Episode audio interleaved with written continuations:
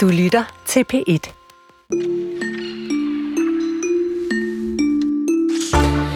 Der var en øh, husmor, en havsfrau, øh, inde i den store tyske diva Marlene Dietrich. Men den der havsfrau prøvede bestemt ikke at komme ud. I stedet var der et øh, stålsat menneske, som før krigsudbruddet forlod sit land, hvor hun konsekvent havde afvist filmtilbud fra Hitlers Tyskland. Og under 2. verdenskrig optrådte hun øh, helt ude i den forreste linje for de allierede tropper helt tæt på fronten. Stor, stor stjerne. Men hvorfor holdt hun pludselig op med at optræde? Hvorfor levede hun altså virkelig totalt isoleret, uden nogen besøg, uden at komme ud i mange år i Paris? Og hvorfor havde hun undervejs telefonisk adgang til Gorbachev og Ronald Reagan? Direktør for Tænketanken Europa, Lykke Friis, er stærkt fascineret af Marlene Dietrich, og i vores lange serie om øh, kunstneriske forbilleder fortæller hun hvorfor. Men inden da, der ser vi også mod Argentina, hvor landets nyvalgte præsident sagde sådan her under valgkampen. Ministerio de Cultura, afuera! Kulturministeriet skal ud. Vi ser på, hvad der sker, når et land skal forsøge at skille sig af med kulturlivet, eller i hvert fald dele af det. Og det er anden del af Time af Kulturen. Det er stadig Karen Sækker og Chris Peders i studiet. Og så skal vi sætte øh, noget helt særligt lyd på, så vi alle sammen ved, hvor vi er.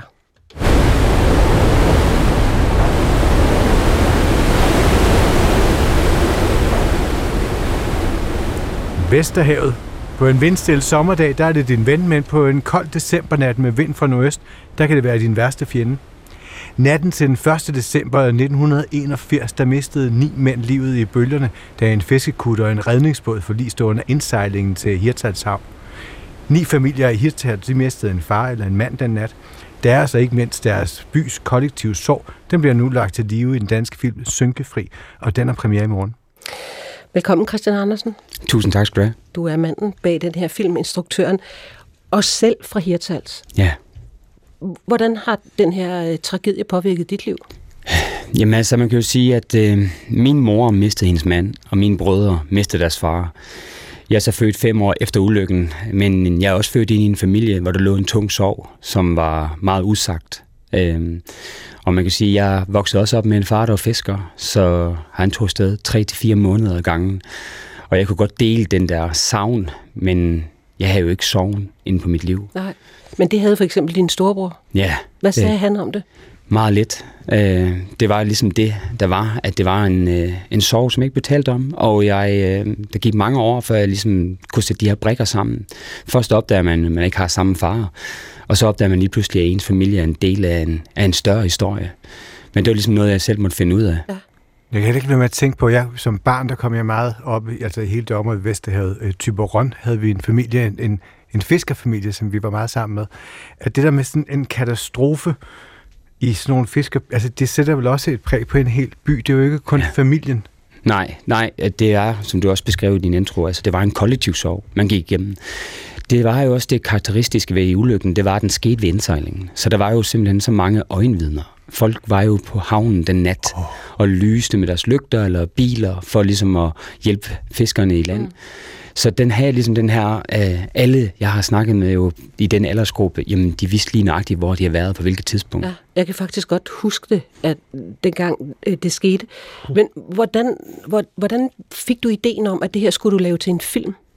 Jamen, øh, man kan faktisk sige, at på trods af de få øh, ting, der kom ud af min familie, så, så galt det om at lytte, når, når de egentlig sagde noget. Og på et tidspunkt, så siger min bror til mig faktisk, så siger han, Christian, det værste, der skete i mit liv, det er, at min far han døde. Men hvis min far ikke var død, så er du aldrig blevet født. Og den dag i dag, der vil ikke bytte det væk. Og det var for mig sådan et kærlighedsparadoks, som er super svært at sætte ord på. Men på en eller anden måde, så var den her ulykke også en grundpræmis for mit eget liv. Ja. Ja, ja og, og så kan man jo gribe det an på rigtig, rigtig mange måder, når man skal øh, lave film om noget, der er så både personligt og sårbart, og som også betyder noget for så mange mennesker. Altså, hvad har været vigtigt for dig at have med i filmen? Jamen, det er vigtigt for mig, fordi, som du også selv siger, ulykken var faktisk ganske veldokumenteret. Den fyldte rigtig meget, også i nationale medier på den, gang, på den tidspunkt. Bestemt. Men det er også for mig som om, at øh, den er ikke blevet overleveret, i hvert fald ikke i Hirtshals. Der er ligesom en generation, der kom sammen med mig, der ikke ved noget som helst om ulykken. Og jeg var ligesom lidt tynget af det her med, at øh, vi ligesom glemmer historien. Og jeg synes, det er så vigtigt, at øh, vi forstår, hvad vi er skabt af. Også ude i vandkants Danmark. Ja. Men så tænker jeg også det med at skulle portrættere sådan en helt en kollektiv sorg for, altså for noget, du ikke selv har oplevet. Hvordan gør man så det? Altså hvad for nogle regler, sætter man regler op for sig selv i forhold til at, at, at gøre det ordentligt? Ja, og hvilket perspektiv? Ja, men man kan jo sige, at vi lavede, vi lavede sådan nogle benspænd fra starten af, hvor vi ligesom sagde, jamen det er vigtigt for os, at vi bliver på land. Vi bliver på land hele tiden, vi går ikke ud i ulykken. Hvorfor? Jamen det ville vi dels, fordi at vi faktisk ikke vidste, hvad der skete derude. Så det var både oh. en, en, en, øh, en respekt over for, for de afdøde, men det var også for vores sådan, dramaturgiske blik, så var det jo også den frustration, de rigtige mennesker havde. Man stod inde på land. Man havde fornemmelsen af, at man kunne række hånden ud og tage fat i dem. Men det kunne man ikke. Og måske især kvinderne? Især kvinderne, ja. Og, øh, ja. Øh, hvilke, altså, fordi når du skal lave en film, så skal du jo forhandle med et filminstitut, nogle konsulenter. Øh, var I helt enige om, hvor den her film skulle hen? Nej, bestemt ikke. Nej, overhovedet ikke, fordi at øh, øh, det var jo sådan, at for mig var det vigtigt at kigge på sorgen og de efterladte. Og det var vigtigt for mig, at det blev en fortælling også. At det ikke blev et dokudrama. Fordi jeg synes, der faktisk lå så meget materiale, man kunne selv læse det. Så for mig var det vigtigt at se den her skildring, miljøskildring af de her mennesker, der bor ved det her store hav, som jo kan være så smukt og forræderisk på en gang. Men de lever der af havet. Det er jo et vilkår. Ja, det er et vilkår det er vilkår, og det synes jeg er, det synes jeg var virkelig spændende også at få med, den her miljøskildring af de her mennesker, for de flyttede ikke væk derfra, de blev jo der. At så, de, ja. så hvad var det Filminstituttet du måtte sige nej til? Øh, jamen altså, så de endte også med at sige nej til mig, kan man sige. altså det var jo mere, at de, jamen, de ville jo nok mere den, den, hvad skal man sige, den ægte vej, den virkelige, den virkelige historie, ja. ikke? Øhm, men for mig var det de her menneskeskæbner, der, ja. der stod tilbage, som var, var fortællingen i min, i min optik. Så jeg lade mig at tænke på, at du har så været et barn, et barn der er vokset op i en, en familie, ikke måske ikke defineret, men i hvert fald præget af sorg. Hvordan har du taget, altså det er jo en meget intim historie, er, er den sådan tydelig i filmen også? Ja, en begivenhed, du faktisk ikke har oplevet selv. Ja, jamen præcis. Altså ja, den, den, den bliver jo på den måde, fordi jeg kun skildrer en familie. Så jeg holder den ligesom op på vores øh, egen banehalvdel, kan man sige. Ikke? Fordi der er, jo, der er jo i virkeligheden ni fortællinger, hvis man, skulle, hvis man skulle tage virkeligheden. Ikke? Og hvis man breder det lidt længere ud, jamen så er der rigtig mange fortællinger. Fordi der er så mange, der enten har mistet en kammerat, eller en svoger, eller en fætter. Mm. Så der er også utrolig mange sådan indirekte pårørende. Øhm, så det var jo ligesom, nogle gange skulle man søge derud for at få flere fortællinger, end man kunne i sin egen familie. Øhm, simpelthen også fordi, at det, det ligesom blev trykt ned. Og, og min mor, hun beskrev det ret godt, faktisk. Hun sagde sådan, når man er fiskekonen, så har man altid en grundangst. Man er bange for, at mændene ikke kommer hjem igen. Og den grundangst, den gør man alt i verden for ikke at fodre. Og hvad det koster, det er måske lidt kontakt med ens eget følelsesliv. Ja. ja. Vi skal høre et, et, et klip fra filmen, som er inspireret af din mors egen oplevelse, da hun mistede sin mand. Øh, prøv lige, inden, inden jeg sætter det på, og beskriv, hvad det er, der sker i den her scene. Jamen, man kan jo sige, at en af de ting, der var meget overraskende for mig, det var jo det her med, at der ikke kom noget hjælp. Altså, der kom ikke noget psykologer eller krigspersonale. Og min mor havde en fornemmelse af, at, øh, at alle bare gerne ville bedøve hende. Altså, give hende noget smertestillende, og så få hende væk. Men hun, øh, hun var ligesom nødt til at gå igennem øh, altså sorgen, fordi hun ville være der for sine børn, kan man sige. ikke. Øh, det var vigtigt for hende. Øh, så den her symptombehandling, hun følte, at øh, der kom fra myndighedernes side, den, den afslog hun og ville stå igennem. Så jeg nu øh, udskriver jeg lige noget til dem, så de kan komme lidt fra. Værsgo. Her er lidt beroligende.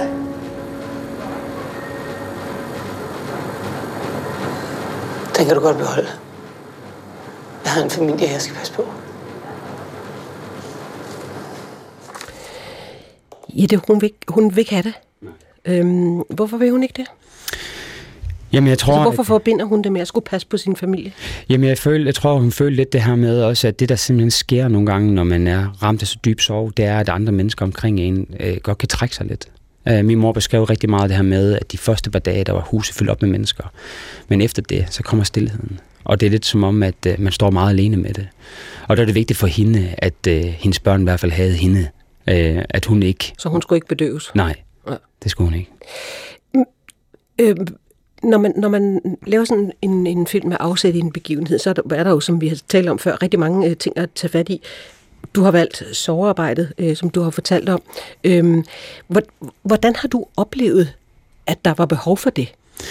Jamen, jeg har jo nok også, altså, da jeg startede med ligesom, at skulle lave historien, eller ligesom fortalte, at jeg havde lyst til at lave den her historie, ja. jamen der var der jo også mange kritiske røster. Ikke? Der var meget af det her med, hvorfor, øh, hvorfor øh, rippe op i noget, ikke? Øh, hvorfor pille vi den her sorg igen, nu har vi ligesom lagt det bag os. Øh, men det var bare vigtigt for mig, fordi at øh, dels var det, at, øh, at der var simpelthen rigtig mange mennesker, som ikke øh, husker den her historie. At der var vist med røde glemselen. Mm. Og for det andet, så var det jo også sådan, at vi har set flere og flere artikler nu om, at, øh, at redningstjenesten igen står med nogle udfordringer, og igen er underprioriteret. Og i min familie, der har den redningstjeneste altid været de største helte. Når mine brødre var rigtig, rigtig kede af det, så trøstede min mor dem altid med at sige, husk på, at der var seks mænd, der tog ud for at forsøge at redde jeres far. Og det er den største kærlighed. Den, der sætter deres liv til for at redde andre. Og det var også øh, vigtigt for mig, at vi hedder vores øh, redningstjeneste. Ja. Vi skal lige høre et klip, hvor man også kan høre det der om, hvordan sorgen på nogle måder bliver nærmest tabuiseret. Øh, det er et klip, øh, der foregår øh, mellem en af de kvinder, i, øh, i, der har mistet sin mand, og så en af byens indbyggere. Så... Det er tre kroner. Ja. Jeg har ikke mindre. Så lige, det kan være, jeg har den. Ja. 1, 2, nummer 3.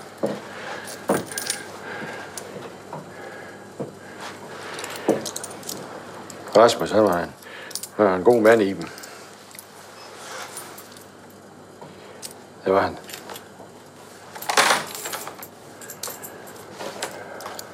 Tak. Ja. Ja. Men øh, ja, det er ja. så... Så god dag det. Det er over.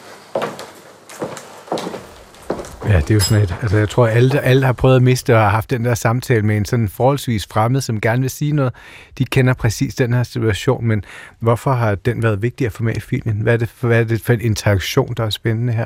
Jamen, jeg synes jo det her med både det, det manglende sprog, simpelthen, ikke? Fordi, øh, som vi nævnte før, alle kendte jo de omkommende. Så det er jo ikke, ja, det kan godt være, at de er sådan fremmede for hinanden eller bekendte, men, men alle altså, har jo været tæt på den her ulykke i en eller anden grad. Og så er det bare interessant det her med, at man ikke har et sprog sammen. Altså, øh, og jeg tror jo også, at lige så meget som du kan bære på en sorg selv, så kan det også være lige så vanskeligt at møde andre mennesker i sorg. Altså, er vi dem, der går dem i møde, eller er du dem, der går på den anden side af vejen? Øhm, og det kan man jo sige, det, der var ret interessant for mig, det var, at øh, da jeg vist filmen faktisk, for min, øh, for min mor første gang. Så står jeg og snakker med min bror bagefter, hvor han siger, at vi står og snakker om det her med, at øh, åh, ja, mor har haft svært ved, og hun har ikke snakket med os om det. Og min bror, han er ved at være 50 år, og har en teenage-datter, der står ved siden af. Og så siger hun lige pludselig til ham, jamen far, du har aldrig vist mig et billede af min bedstefar. Nej. Og der slår det min bror, at han er med til at reproducere det her. Altså, han har også, øh, han har heller ikke overleveret videre til hans datter, ikke? Og det er det, jeg ligesom, pointen her er, at, at, at de ting, de bliver nedarvet, hvis du ikke har det sprog. Og det er man nødt til at bryde med på et eller andet tidspunkt. Og der kan jeg jo heller ikke være med at tænke, altså i, i en by som Hirtshals, så er den jo ikke sådan vanvittigt stor. Så øh, ni fiskerfamilier. Hmm. Der, har været, øh, der har været ni forældre, der har måske været ni koner, der måske har været 1,2-1,7 barn per, per mand. Ikke? Det, er jo, det er jo mange forskellige. Det er jo, det er jo et helt samfund, der bliver ramt. Men, men altså, hvordan har du hvilke, hvilke tanker du gjort om i forhold til at skildre byen eller byens øh, sådan, beboere? Hvem er de? Jamen, altså, de er jo, altså, det som er så interessant på det her tidspunkt i Hirtshals, det er jo, at øh, by og havn hænger så unægteligt sammen. Og det betyder jo ligesom, at du kan, ikke, du kan ligesom ikke frasige dig nogen som helst, fordi at hvis du kommer ind med din båd, så skal den losses. Ja. Og det betyder, at du også er afhængig af losseren. Så på den måde, så kan det godt være, at der er forskel i, i status og indkomst osv., men du er simpelthen afhængig af hinanden, for at den her by kører. Fordi alt er bundet op på fiskeriet. Så det var ligesom det med, at, øh, som også optræder i filmen, ikke? at jo mere du ligesom råder i det her, jo mere går du ud over omdømmet, og i sidste ende rammer det også på det vigtigste, nemlig på indtjeningen. Mm. Øhm, for det er også det, den her by er jo, er jo en fremdriftig by på det her tidspunkt, ikke? hvor fiskeriet er i højsædet. Helt klart. Nu, du har været lidt inde på det, og det der med, at hvorfor skulle der nu ribes op i det igen og sådan noget. I, i Nordjyske, der kunne man i april læse, at nogle af dem, der havde mistet øh, dengang, var noget utilfredse med, at du ville lave den her film. Hvordan har du taklet det? Jamen, jeg har forsøgt at, at køre et så, øhm, en så åben proces, som jeg overhovedet kunne. Det er også derfor, jeg ligesom valgte at lægge filmen øh, hele optagelserne i Hirtshals. Og øh, vi har over 120 statister med i filmen. Øhm, og det var ligesom en, en, jeg havde lyst til, ligesom, at historien også skulle fortælles af Hirtshals. Men også for øh, ligesom, at lave en proces, hvor vi var helt gennemsigtige, hvor vi ikke skjulte noget. Og, og den, den kritik i starten var meget bundet op på, synes jeg, den uvidshed, der også var. Fordi hvordan vil vi gribe det her an? Og, og for eksempel sådan et benspænd, som at blive på land, og ikke gå ud og vise, hvordan de døde, øh, er noget af det, jeg tror, der har ligesom været, været en behjælpende til, at man ligesom kan acceptere det. Ja, ikke? ja, beroliget Ja, beroliget det. Ikke? Altså, man kan sige, når du bare går ind og siger, at jeg lavede den her historie, jamen den er så stor, øh, så hvorfor en vinkel vil du tage det fra? Ja. Har det betydet noget, at du selv er fra Hirtshals, at du selv er berørt af det her, end hvis du kom fra Ringsted? Altså, jeg tror jo, at det, jeg øh, kan bidrage med, med i forhold til det, det er denne miljøskildring. Og jeg tror, at det er meget vigtigt det her med, at øh, når vi fortæller de her egens historier, så er der bare kæmpe forskel fra at komme fra Hirtshals eller Lemvi. Men vi kan godt nogle gange komme til at se vestkysten som bare vestkysten. Men det, der er det sådan historiske i det her, det er jo, at Hirtshals er en ret ny by. Den blev anlagt i 1919, så den kan jo fejre 104 års fødselsdag. Det betød også, at det var en tilflytterby. Min egen bedstefar, Åh, den, ja. ja, han var fra Ballerup. Altså, det kan man ikke høre på min dialekt. øh, og, og min mors mand, der døde, han, øh, han var fra Fynbo. Så det, så, så det var meget vigtigt for mig også at vise, at det her, det var, det, det var, det var det er ikke den klassiske vest, øh, vestegn, hvor, hvor, hvor man kan sige, at øh, religiøse øh, og lidt konservative kræfter er, er stærkest. Sådan var det ikke i Hirtshals. Det var en moderne fiskeriby, øh, hvor der kom folk fra alle mulige steder i landet. Øhm, så det var, den miljøskændring var, var vigtig for mig, og de nuancer at få med. Og det tror jeg, det er det, jeg kan, når jeg kommer fra, fra byen selv. Det kunne jeg forestille mig. Tillykke med filmen. Tak skal Det bliver have. spændende, hvad de synes, når de ser den. Ja, det bliver meget spændende. ja. Og det kan de komme til, Christian Andersen, fordi Synkefri får premiere i øh, biograferne i morgen. Er det ikke torsdag i morgen? Jo. Jo, Ja, det er det. Tak for besøget. Tusind tak.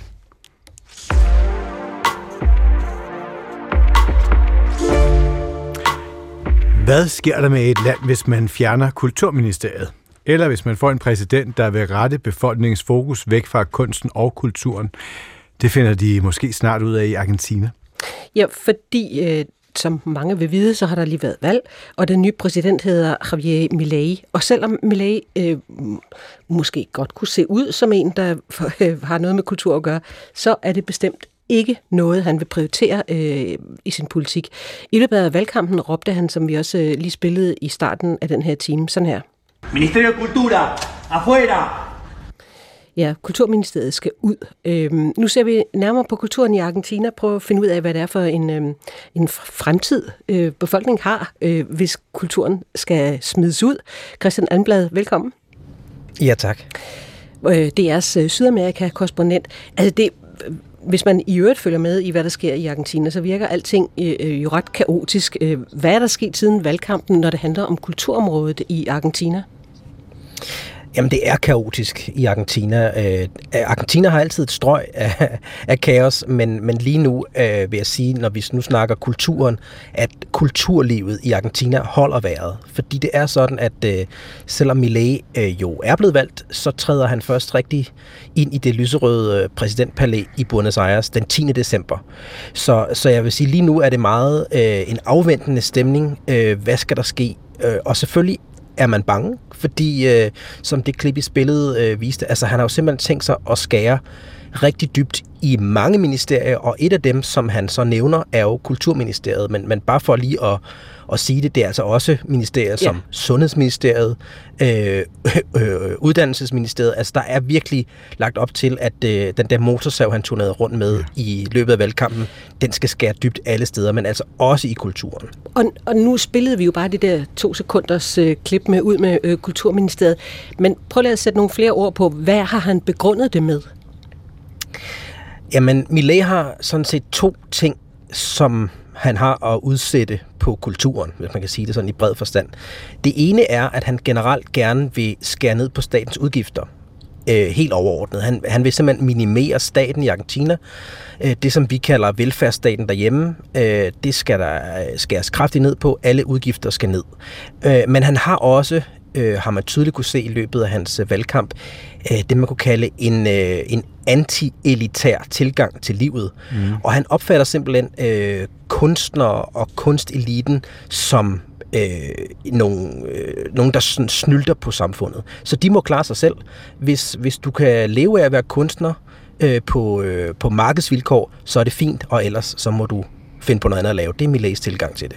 Men Christian, nu sagde du så lige tidligere, at kulturmiljøet lige nu, de, de holder været i åndeløs spænding der, men, men altså, ja. hvad kommer der til at ske med argentinsk kultur, hvis, hvis, det, er, altså, hvis det sker? Jamen, der er jo rigtig mange ting, som vil forsvinde. Øh, det er klart, at det kan man jo forestille sig derhjemme, hvis Kulturministeriet forsvandt øh, over natten, og i øvrigt ikke bare selve ministeriet, men også støtten til al mulig kultur, jamen det vil jo øh, betyde, at rigtig mange ting skal lukke. Hvis du tager til Buenos Aires, øh, er faktisk en rigtig fantastisk by at besøge, øh, minder sådan lidt om Madrid eller Paris på, på latinamerikansk, kan man sige, fyldt med museer og kulturtilbud, gallerier. Mange af de ting, de vil jo forsvinde øh, uden statsstøtte. Det er der ikke nogen tvivl om. Øh, og jeg ved også, øh, sådan helt lavpraktisk øh, så jeg øh, kort før valget, var der jo også forfattere ude at sige, jamen øh, sådan noget som at som oversættelser, altså nogle ting, man ikke lige tænker på, oversættelser af tekster fra andre lande. Hvem skal gøre det, og hvem skal betale for det? Og så, så der er rigtig mange aspekter i kulturen, øh, som, som jo vil komme til at stå, stå tilbage uden støtte. Altså det, som Argentina er kendt for, tango og fodbold, det skal jo nok klare sig, fordi det spytter folk gladeligt penge i. Men hvad med de øh, kan man sige, små øh, kultur øh, ting, de små dele af kulturen, der er det virkelig svært øh, at se, hvordan de skal klare sig fremover. Så, så når jeg siger, at de holder vejret, så er det jo fordi, øh, Øh, der er jo rigtig mange, der har den her øh, tilgang til Millet også. Ja, ja, han har sagt nogle vilde ting i valgkampen, men, men lad os nu se, om han gør alvor af det. Men der må jeg bare sige, han er jo ofte blevet øh, sammenlignet med Bolsonaro, i Brasilien og Donald Trump i USA. Og de to herrer viste jo i hvert fald i løbet af deres regeringsperiode, at rigtig mange af de ting, som man troede, de bare sagde, der var vilde i valgkampen, jamen dem gennemførte de også. Ja. Altså nu kan man jo sige, Christian, at hvis man holder vejret, så er det svært at tale samtidig. øhm, ja. Siger de ikke noget? Øh, de museumsdirektører, øh, betydningsfulde kunstnere, organisationer?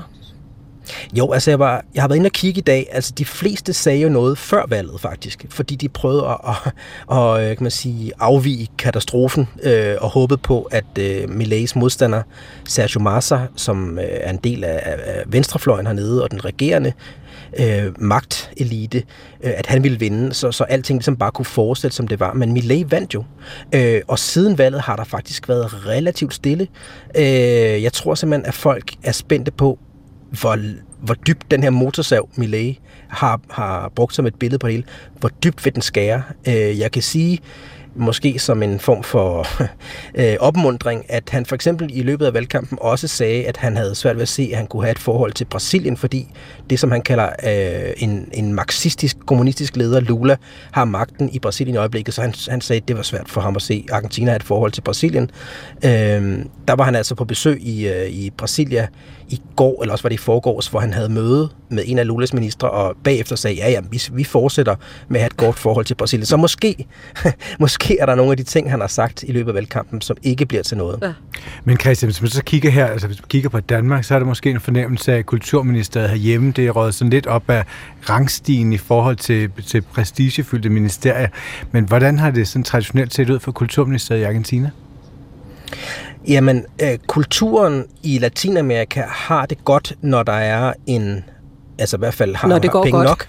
nok, når det går godt, og det gør det næsten aldrig, men i hvert fald når, det, når der er en venstrefløjsregering, der er ved magten. For eksempel Brasilien, der er Lula ved magten nu, og det har betydet, øh, at der, kommer til, altså, der bliver simpelthen tilført flere midler til kulturen, end der gjorde under Bolsonaro. Det er fakta.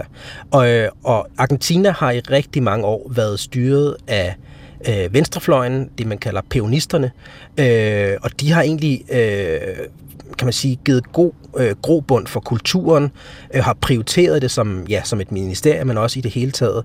Så, så når der har været de her små øer af, af borgerlige præsidenter og regeringer, jamen så har der været øh, mindre penge eller mindre fokus på kulturen, men der har jo aldrig været nogen, der mindede om Millet. Altså han er helt ubeskrevet og nyt blad og kalder sig selv, øh, hvad er det nu, han kalder? Han kalder sig selv øh, økonomisk anarkist. Øh, så så det, det siger jo lidt om, at, at alt kan ske, og der er ikke nogen tvivl om, altså det klip i spillet, det er jo øh, øh, en, en video for dem, der ikke har set det, som florerer på de sociale medier, hvor der, han har sat en masse ministerier op, alle dem, der findes på, på en lang tavle, og så flår han dem ned for væggen og siger, væk med det, væk os, med det. Lad os lige høre Og lidt det- mere af det. Så Ja, kan du lige ja, fortælle lidt det. mere om bagefter. Ministerio de Turismo y Deporte, afuera. Ministerio de Cultura, afuera. Ministerio de Ambiente y Desarrollo Sostenible, afuera. Ministerio de las Mujeres y Género y Diversidad, afuera. Ministerio de Obras Públicas, afuera. Ja, og det fortsætter, og det fortsætter, og fortsætter. Det ene ministerium efter det andet ryger. Turisme, kultur, øh, kvinder, køn, diversitet, øh, undervisning. Sagde du også sundhed? Christian? Ja, det har han, ja, det har ja. han også øh, fyret ned på gulvet der i løbet af den video. Øh, og så vil han jo skabe nogle større ministerier. Det er klart, at, at det selvfølgelig er det ikke sådan, at sundhedsvæsenet bliver afskaffet, men, men det vil blive lagt ind under noget, jeg tror, det er et, et indrigsministerium, han har i tankerne. Øh, men altså, øh, i hvert fald i forhold til det der med at rive ministerier ned, når vi taler kultur, synes jeg også, det er vigtigt at sige, at kultur er jo også øh, værdierne i samfundet, og der, der kan man bare sige, at sådan noget som abort, øh, religion, mm. den slags ting er jo også i spil, fordi han er øh, abortmodstander, han er øh, altså han har lagt sig ud med, med paven, som også er argentiner, øh, så, så altså alt, hvad der hedder kultur og, og værdier, er i spil i øjeblikket, øh, ligesom op og vende i luften i Argentina, så det er Altså, jeg har sagt det mange gange også på andre platforme. øh, Det er virkelig et historisk magtskifte. Det er nogle helt nye øh, værdier, der træder ind i det argentinske samfund nu. Men man, man kunne godt forestille sig, at det er bestemte former for kultur, han er imod, fordi han er jo tidligere øh, omgået øh, sangerinder og skuespiller. Han elsker Rolling Stones. Han spiller selv i et øh, coverband, der hedder Everest. Og så synger han øh, faktisk også opera. Gastar y gastar y gastar y gastar, esa es nuestra regla fiscal. Ja, vi behøver måske Nej. ikke have mere øh, eksempel på det. Så det kunne jo også tyde som om, altså det er jo ikke alt kultur, mm, han, han øh, vil have skåret væk eller støtten til. Nej, nej, han er altså den brede kultursmand. Øh, han er også tidligere øh, habil øh, målmand i øvrigt, hvis man regner Ja, sport som en del af gør vi. kulturen. Ja, det gør, det gør argentinerne i hvert fald også. Øhm, jeg, jeg vil sige, at jeg, jeg tror sådan set, hans, hans hovedbudskab er, at det, der kan stå selv, det må godt. Det er ikke sådan, at kultur ikke må findes i Argentina, men det skal simpelthen klare sig øh, selv, og ikke være noget, som staten skal tage sig af. Det er hans hovedbudskab, og der kan man bare se, når man kigger rundt i verden, der er jo ganske få lande, hvor kulturen kan klare sig uden støtte om nogen. Så kan man jo ikke være med at tænke der, nu, nu taler vi om, om, altså, om kulturlivet, de venter i åndeløs spænding, men hvad med den argentinske befolkning? Altså er de, synes I, det er helt fint? De har valgt ham. Altså, de, Det er det. Ja, de har jo valgt ham, øh, og over halvdelen, men man kan sige, at den halvdel, der ikke har stemt på ham, jeg, jeg har en del venner i Argentina, både øh, nogen, der har stemt på ham, og også der ikke har stemt på ham, og de er faktisk alle sammen ret spændte på, hvad der sker.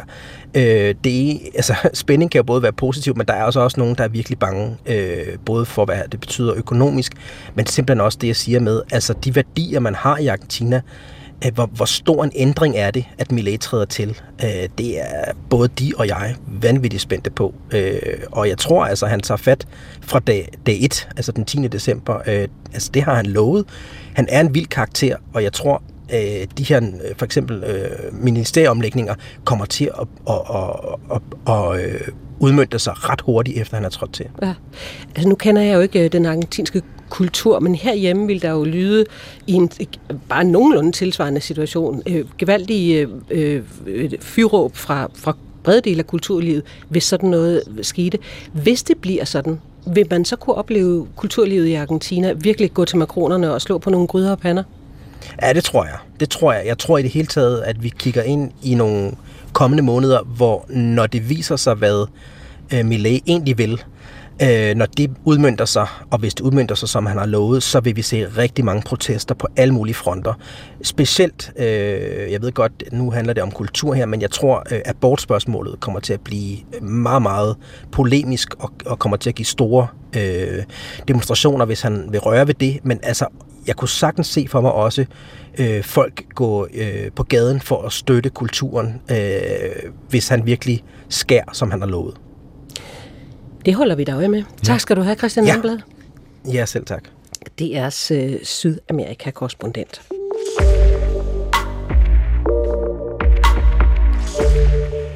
Der er legender, og så er der giga-legender. Og sådan Godt forstå, en du sænker stemmen lidt. Men det kan man da ikke lade være med, når man taler om den her. I vores serie, hvor kulturpersonligheder vælger et idol, et kunstnerisk forbillede, så skal du nu være i selskab med tidligere minister og tysklandskorrespondent, og nu direktør for Tænketanken i Europa, Lykke Fris. Og Lykke havde ikke helt let ved at vælge kun et idol. Det synes jeg var utrolig svært, fordi der er jo mange forskellige aspekter. Der er sport, der er kultur, der er jo også politik. Der, så på den måde, så var det svært. Ja, også fordi vi har vel øh, efterhånden i vores liv skifter det jo også, hvem, hvem der er forbilledelig eller fascinerende. Ikke? Ja, absolut. Det går fra Astrid Lindgren til, ja. til jo, jo, så Thomas Mann, ja, til så nyere forfatter. Ja. Nå, vi skal ikke øh, holde det hen længere. Du valgte den tysk-amerikanske sanger og skuespiller, legendariske, ikoniske Marlene Dietrich. Ein rätselhafter Schimmer, ein je ne sais pas quoi, liegt in den Augen immer bei einer schönen Frau. Doch wenn sich meine Augen bei einem vis-à-vis ganz tief in seine saugen, was sprechen dann sie? Ich bin von Kopf bis Fuß auf Liebe eingestellt, denn das ist meine Welt und sonst gar nicht. Lykke Friis, hvorfor Marlene Dietrich? Jeg husker hende fra min barndom, da jeg gik på en dansk-tysk skole, der læste man om Mar- Marlene Dietrich, sagde mig ikke så færdigt meget på det tidspunkt. Så var det også en, min far øh, syntes var, var fantastisk. Og så vil jeg så sige, at så de senere år sådan for alvor dykket ned i hende. Jeg tror, der er også sådan et øh, Babylon-Berlin-bølge over det. Og så har jeg været meget i Berlin, hvor jeg så har haft mulighed for så også at stifte mere bekendtskab med hende, så at sige. Ja. Men det her med, du har en tysk fod, en tysk mor, det betyder vel også en hel del? Absolut. Øh, der er jo mange, man sådan har, har fulgt lidt mere, når man så har den her halvtyske baggrund, øh, som jeg har. Men altså det, der virkelig har slået mig, og det, der altid har fascineret mig, og det, jeg har dykket mere ned i de senere år, det er jo, at hun er sådan et flerfoldigt ikon. Altså hun er jo både et ikon, når man ser på musik, når man ser på film, når man ser på ligestilling, når man ser på ja, fred. Altså hun var jo nærmest en fredsforkæmper. Så på den måde, så er der de der øh, forskellige aspekter, han man kan dykke ned i. Og man forstår tysk historie, så kan man faktisk forstå rigtig, rigtig meget, hvis man sætter sig ind i, hvem Marlene Dietrich var. Ja. En, en alternativ måde at læse tysk historie på. Ja, det har altid fascineret mig den måde, hvorpå man så kan måske også få andre mennesker til sig at interessere sig for historie. Øh, Det kan så være Tyskland, det kan være Frankrig, det kan være Storbritannien, det er sådan set lige meget. Men ved så at, at ja, se på problemstillingen så via personer, det tror jeg virkelig fascinerer mig. Ja. Lad os øh, få nogle ord på hende, for dem, der ikke øh, lige kender hendes historie så godt som øh, dig, Lykke. Født i Tyskland 27. december 1901, død 6. maj 1992 i Paris. Først øh, musikundervisning, så skuespil. Øh, elev ved Max Reinhardts berømte teaterskole i Berlin, og så fik hun gennembruddet i Tyskland inden 2. verdenskrig i filmen Den Blå Engel af Josef van Sternberg, hvor hun spillede en prostitueret, der hed Lola. Øh, det var den, vi faktisk kørte lidt af lige før. Hvornår støder du på hende for alvor? Du siger, du har sådan fundet tilbage til hende nu i, i, i, i dit voksenliv, men hvornår for alvor stod du ind i hende? Ja, altså skole tæller jo ikke her. Øh, jeg vil sige, da Berlin Babylon starter, så begynder jeg sådan at, at dykke ned i Weimar-republiken, øh, og dermed jo så også den øh, tid, der jo var både kulturelt, men så også politisk. Og det er nok der, jeg sådan for alvor sådan begynder at have, jeg vil lige ved at sige sådan, glæden over igen sådan at beskæftige mig med hende, fordi det var jo ikke sådan, at man som, som skoleelev sådan siger, nej, hvor hun dog, hvor hun dog interessant. Ej, så var, gik jeg igennem alle de her forskellige ikoniske roller, hun har haft, og da jeg så var Berlin her øh, for nylig, jamen så følte jeg mig kaldet til at gå ud og besøge hendes gravsted, øh, bare for at nævne en ting, se hvor hun boede, øh, og på den måde så også blive, blive klogere øh, på hende, og så så også et, et nyt teaterstykke, der er blevet sat op, der hed Marlene, som jeg kun kan anbefale meget kraftigt. Ja. Og Babylon Berlin, når du siger, det, det er den her ikoniske tv-serie, som jeg også har fulgt med. Jeg kan ikke lige huske det præcise årstal. Det er lige før corona der, mm. 2018-2019, øh, hvor vi har den her fortælling, der foregår ja, præcis på samme tidspunkt, som Marlene er stor. Hvad, hvad er det ved den tid? Jamen, det er jo en tid, hvor, øh, hvor ikke man øh, på det tidspunkt kan forestille sig, hvor man lander hen. Altså, man, man lever livet, øh, og øh, nok mere intenst end, end meget længe, fordi man kommer ud af Første Verdenskrig. Men det her med, at man så ganske få efter står med nationalsocialismen og står jo så også med, med jødeforfølgelse af 2. verdenskrig, det kunne man bare slet ikke øh, fornemme øh, på det tidspunkt. Øh, det er først noget, vi nu kan forstå, med, mm. når vi sådan ser tilbage på historien. Så derfor tror jeg, at den der tid var ekstremt intens, når vi ser tilbage på den, men det er faktisk endnu mere intens, fordi vi nu kender, hvordan historien sluttede, så at sige. Ja. Og som du har været kort inde på, hun blev på mange måder også sådan et symbol på modstanden mod, øh, mod Nazi-Tyskland for rigtig mange mennesker, både på den ene og den anden side af Atlanten. Øh, Blandt andet øh, med det udtryk, der var i det her nummer. Sag mir, wo die Blumen sind, wo sind sie geblieben? Sag mir, wo die Blumen sind, was ist geschehen? Sag mir, wo die Blumen sind, Mädchen pflückten sie geschwind, wann wird man je verstehen? Wann wird man je verstehen? Sag mir, wo die Mädchen sind, wo sind sie geblieben? Sag mir, wo die Mädchen sind, was ist geschehen?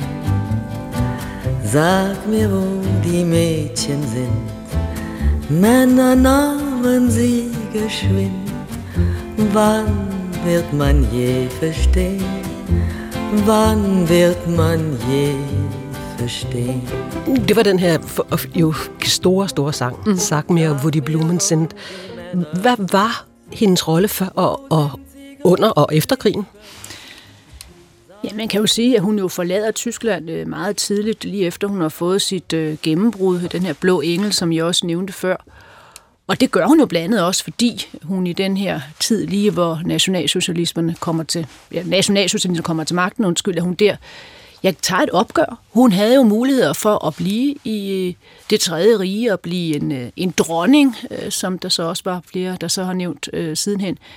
Hun får tilbud både fra Josef Goebbels, altså propagandaministeren, nærmest også fra Hitler, øh, in, in person, men vælger så at sige, jeg, jeg vil ikke øh, være i det her land, jeg kan simpelthen ikke acceptere det regime. Og så tager hun jo til USA, hvor hun jo så faktisk øh, finansierer, at, øh, at tyskere, men altså også jøder, kan komme til USA. Og så efter et stykke tid, jamen, så beslutter hun sig jo så at tage med tropperne, øh, med de amerikanske tropper, helt ude der, hvor, hvor det gør ondt, så at sige, at stå, ja. stå i mudderet. Og så, og så synger hun jo og giver de her soldater den her oplevelse, og så også lige det der frikvarter, man har brug for i, i sådan en, en skrækkelig situation. Og, og der har hun jo de der, altså blandt andet også Lili Marlene, som hun står og synger på tysk nogle gange, ikke? hvor man tænker sådan, øh, hvordan kan det egentlig lige være amerikanske soldater, så alligevel kan, kan se sig selv i hendes også på, på engelsk, men, men får den der rolle, øh, som ja, sådan en slags, ja, vi vil nok sige frihedskæmper, kan man jo godt sige, kommer så tilbage jo så også til Tyskland i, i en amerikansk uniform, fordi hun jo i den grad længes efter Berlin, men, men også moren. Ikke? Så, og der oplever hun jo så, hvordan hun virkelig bliver, bliver udsat for had, øh, og, og det fortsætter jo sådan set... Øh, da hun så kommer til Tyskland igen i 60'erne, hvor man så kalder hende for Vaterloser Geselle, altså en, der så ikke har et, et fædreland, og så også en, der har forrådt sit fædreland. Og vi skal faktisk også helt hen til ja, efter 2000, øh, før så at den tyske befolkning, og, og ikke mindst Berlin, så tilgiver hende, at hun så forlod sit land og, og kæmpede i anførselstegn på de andre side. Men det, det har altid undret mig, fordi krigen var slut. Nazi-Tyskland havde tabt. Masser af tyskere øh, var jo heller ikke glade for den her krig, så, så hvorfor var animositeten mod hende så holdbar? Jamen, det er jo sådan noget, jeg synes, der er igen fantastisk interessant, når man så netop ser på en person, og så ser på, hvordan man via øh, den person kan forstå tysk historie. Fordi vi kunne sådan set også nævne en anden. Vi kunne nævne øh, Vesttysklands øh, kansler Willy Brandt, øh, som jo gør det samme som Lille, som Lille, Lille Marlene. Freud, den slip. Marlene Dietrich. Som Marlene Dietrich gør. Hun forlader sit land og kæmper imod Nazi-Tyskland det var jo også noget, han blev kritiseret for igen og igen, så gav også da han førte valgkamp i 60'erne, hvor Konrad Adenauer decideret sagde, jamen du er sådan en, der ikke har noget fædreland, du er bare stukket af for det hele. Og det var jo fordi, at de to mennesker fratog jo den almene tysker undskyldning for, at vi kunne ikke gøre noget. Jo, du kunne jo netop gøre noget. Fordi det og, gjorde de. Præcis, så det er jo også derfor nogle altså, tyske modstandsfolk, altså så Stauffenberg, der jo så havde det her attentatforsøg, der ikke lykkedes mod Adolf Hitler. Der har været samme diskussioner omkring ham, så, så derfor har mange tyskere slået sig på Marlene, på Marlene Dietrich. De har været dybt fascineret, men så er det også med, ah, hun, hun, hun fratog dem undskyldning for, at, at øh, ja, de ikke kunne gøre noget, og så er der selvfølgelig også det her med, jamen altså, nogen ville også gerne ønske, at hun var blevet derhjemme, og på den måde så også have været, have været mere tysk. Nu sagde du også, at hun var tysk-amerikaner. Ja, det er jo korrekt, men der er nok også nogen, der siger, altså, hun var passet. Ja. ja. hun var jo egentlig vores, så det er jo også, det har også mm. været et element af diskussionen. Ja. Men Lykke, når hun så møder det her had, mm. hvordan reagerer hun så? Jamen, hun siger jo en andet med, at det, det rører jo ikke hende så meget, men de der æg, de kaster på hendes øh, svane pels, er det vel nærmest, øh, det, det er selvfølgelig ikke så godt, for det går hen og ødelægger den her svanepels, men jo altså ikke hendes sjæl, ikke hendes, ikke hendes måde at ja, hendes, hendes humør, så at sige, men det passer jo ikke rigtig helt. Øh, sige, fordi det har, jo været en, det har jo været en kamp, øh, og det der jo så også er interessant, det er jo så, på trods af, at hun får de, alle de, alt det modspil fra, fra Tyskland, øh, så vender hun jo alligevel tilbage til Tyskland. Og den der fantastiske sang, hun har, Ich hab noch ein Koffer in Berlin, den har jo også altså virkelig en, en, en speciel følelse, den også sætter, altså for mig, fordi man kan jo godt have forladt et sted, men man har alligevel en kuffert stående, og mm. den er selvfølgelig så i overført betydning, men i sidste instans, så vælger hun altså alligevel at lade sig begrave øh, i Berlin, tæt på, hvor moren så også ligger. Ich hab noch einen Koffer in Berlin. Deswegen muss ich nächstens wieder hin. Die Seligkeiten vergangene Zeiten sind alle noch in meinem kleinen Koffer drin. Og så, når alt det er sagt, så er der jo også hende selv, altså, for hun var jo en karakter. Ja, altså, det... i den grad. Hun havde blandt andet et meget særligt forhold til journalister og fotografer. Øhm, ikke ret nemt. Øhm, I 71 så kontaktede hun selv øh, en, en DR-journalist, der hed Jens, øh, Jens Dreyer, og sagde, at nu vil hun altså gerne fortælle om sit liv øh, til ham. Og det gjorde hun i, i timevis, og der spurgte han blandt andet sådan her. Uh, you have always been followed by rumors and gossip. Do you hate newspaper people? No, I don't hate them. They just bother me. On press conferences, you are famous for your very short and ironical answers. Don't you like long discussions? First of all, I, I told you that uh, uh, my answers are not necessarily ironical. If the questions are intelligent, I answer them intelligently. But when they're stupid, I answer them uh, ironically or very shortly because uh, you can't always answer the same stupid questions again that you have answered many times before and that have been printed in newspapers all over the world. But otherwise, if the questions are intelligent, I stay for hours.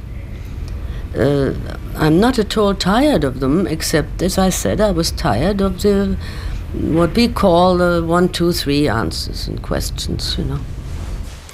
hun er jo ret kontant. Altså dumme spørgsmål de besvares med korte svar. Øh, hvis de er kloge, så bliver hun gerne i timevis. Hvordan ser du på hende? Var hun arrogant? Var hun ekstremt selvbevidst? Hvad, hvad hører du her? Jamen, jeg hører en, der selvfølgelig er selvbevidst, og som også virkelig har præsteret noget i sit liv, øh, og som på den måde heller ikke gider de her øh, meget Ja, simple, øh, simple spørgsmål. Hun har jo også sagt det her med, at øh, hun blev fotograferet til døde, øh, så hun har også haft ekstremt meget behov for at beskytte sig selv.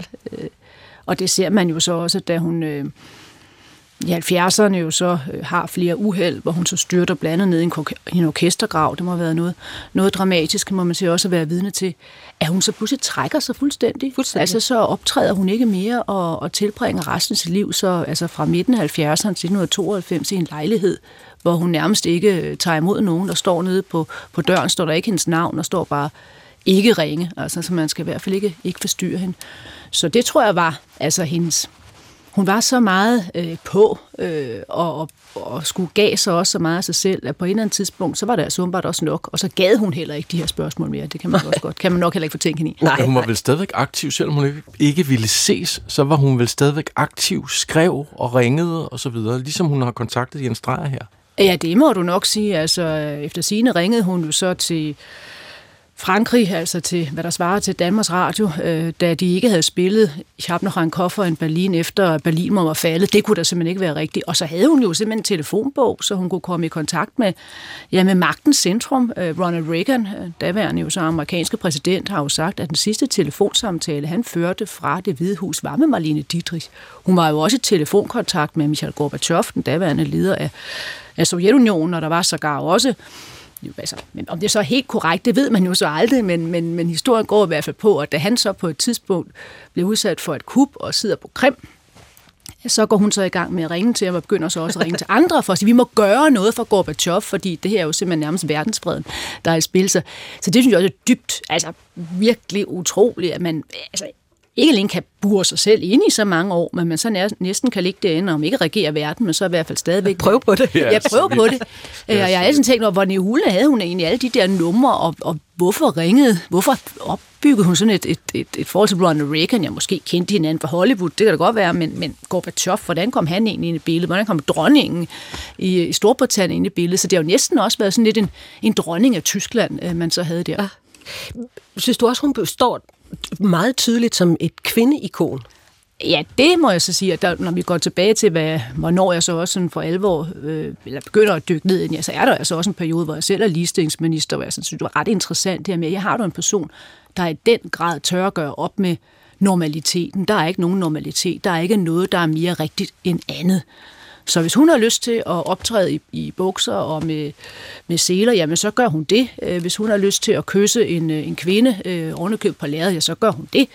Øh, og så sidenhen blev hun jo også kendt netop for at være, være biseksuel, hvilket jo på det tidspunkt jo var, var kontroversielt, må man nok sige. Også bare, at der ifører så lange bukser var, var kontroversielt. Og der turde hun jo altså så i den grad at, at gå imod strømmen, og, og derfor var der jo også, da hun så dør i 92, øh, så kommer der jo altså også en del fra LGBT øh, plus miljøet, det kaldte man nok ikke på det tidspunkt, øh, til hendes, med til hendes øh, begravelse, eller i hvert fald var så hun, hun, øh, hun blev lagt til hvile i, i Berlin. Mm.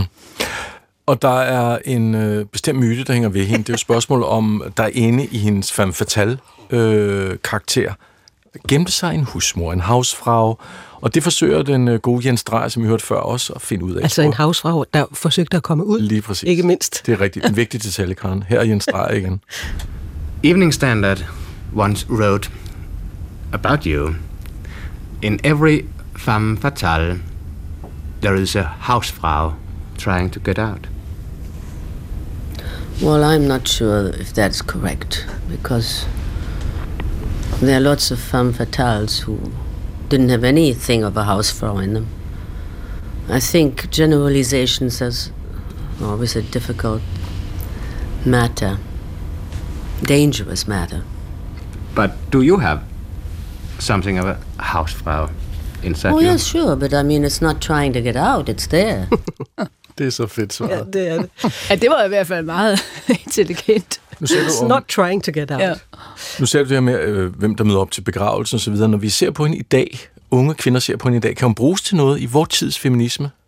Ja, det kan hun da i høj grad. Altså, det der med at, at stå ved den, man er, og ikke ligge under for, for normer, øh, det, er jo det, hun, det er jo det, hun står for. Og øh, det synes jeg da i høj grad godt, man kan lade sig inspirere af, og øh, det tror jeg da også, der er nogen, der gør, om ikke før, så forhåbentlig, når de hører den her udsendelse.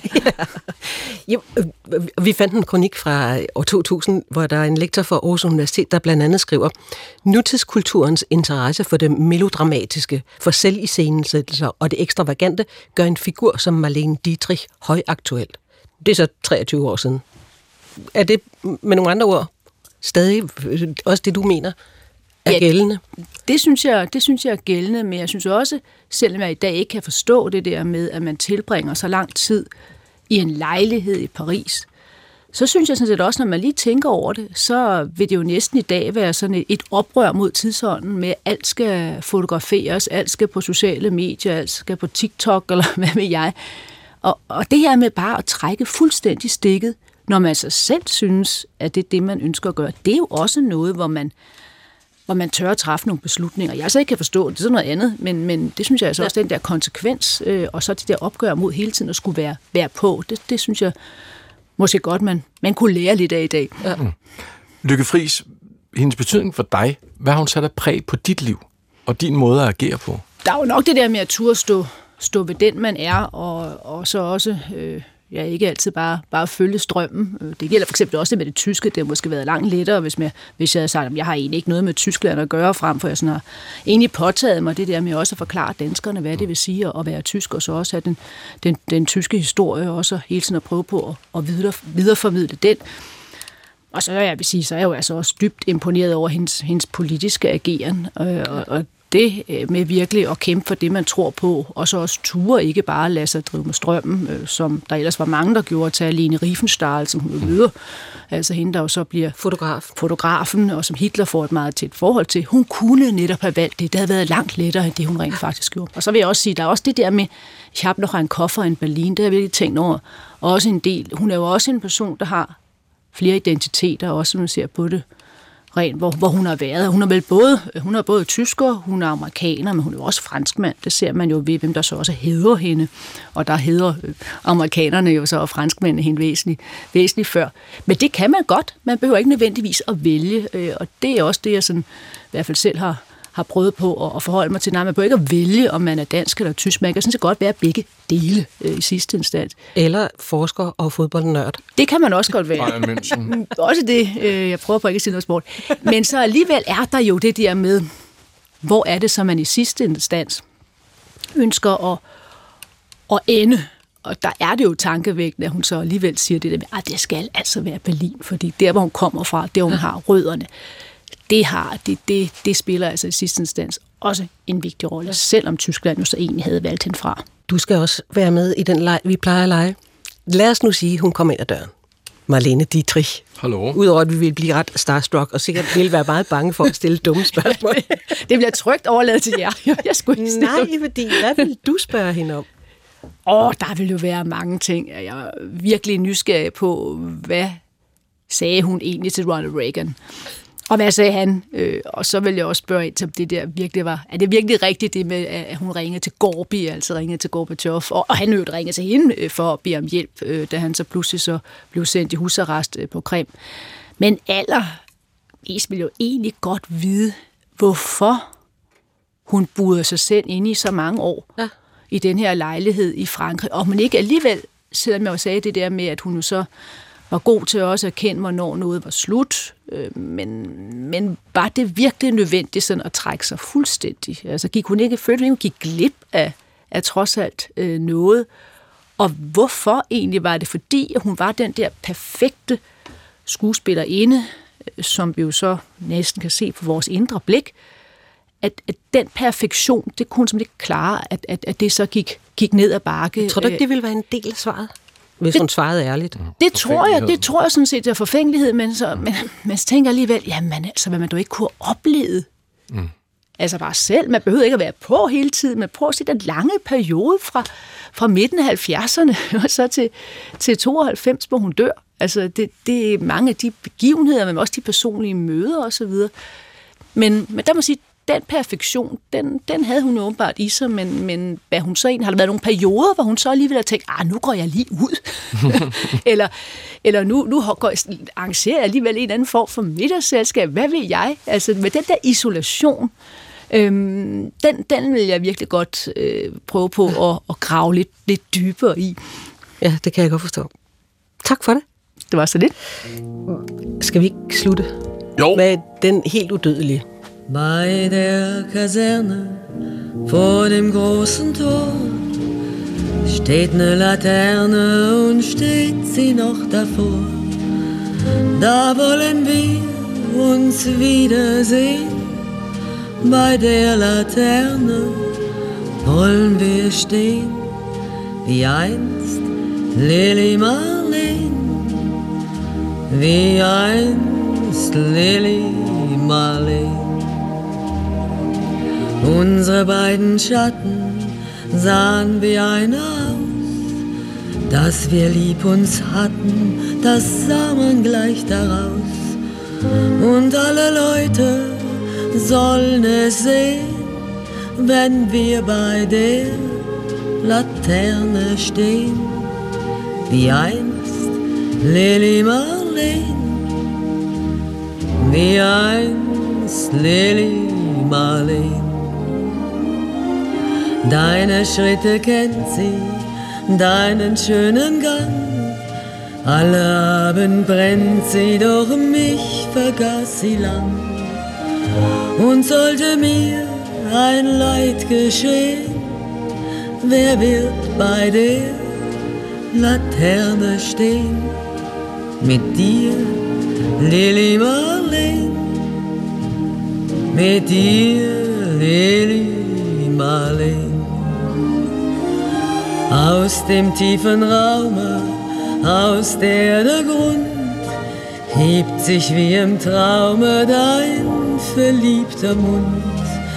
Wenn sich die späten Nebel drehen, wer wird bei der Laterne stehen? Mit dir, Lili Marleen, mit dir, Lili Marleen.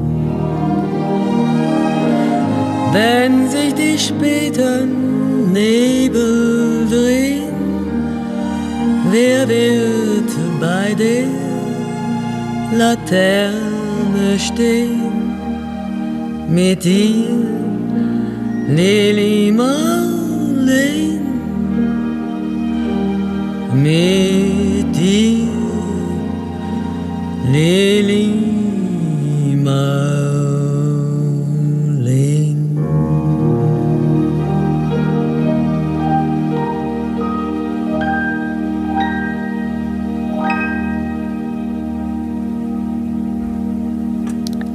Jeg synes godt, vi kunne holde til at høre det hele, ikke? Jo, kunne Lykke Friis var det, direktør for Tænketanken Europa, som fortalte om Marlene Dietrich. Ja, og dagens producent, det var Thomas Holby Hansen, og i studiet var Karen Sækker og Chris Pedersen. Og nu er der Radioavisen. Ha' en god aften. Gå på opdagelse i alle DR's podcast og radioprogrammer. I appen DR Lyd.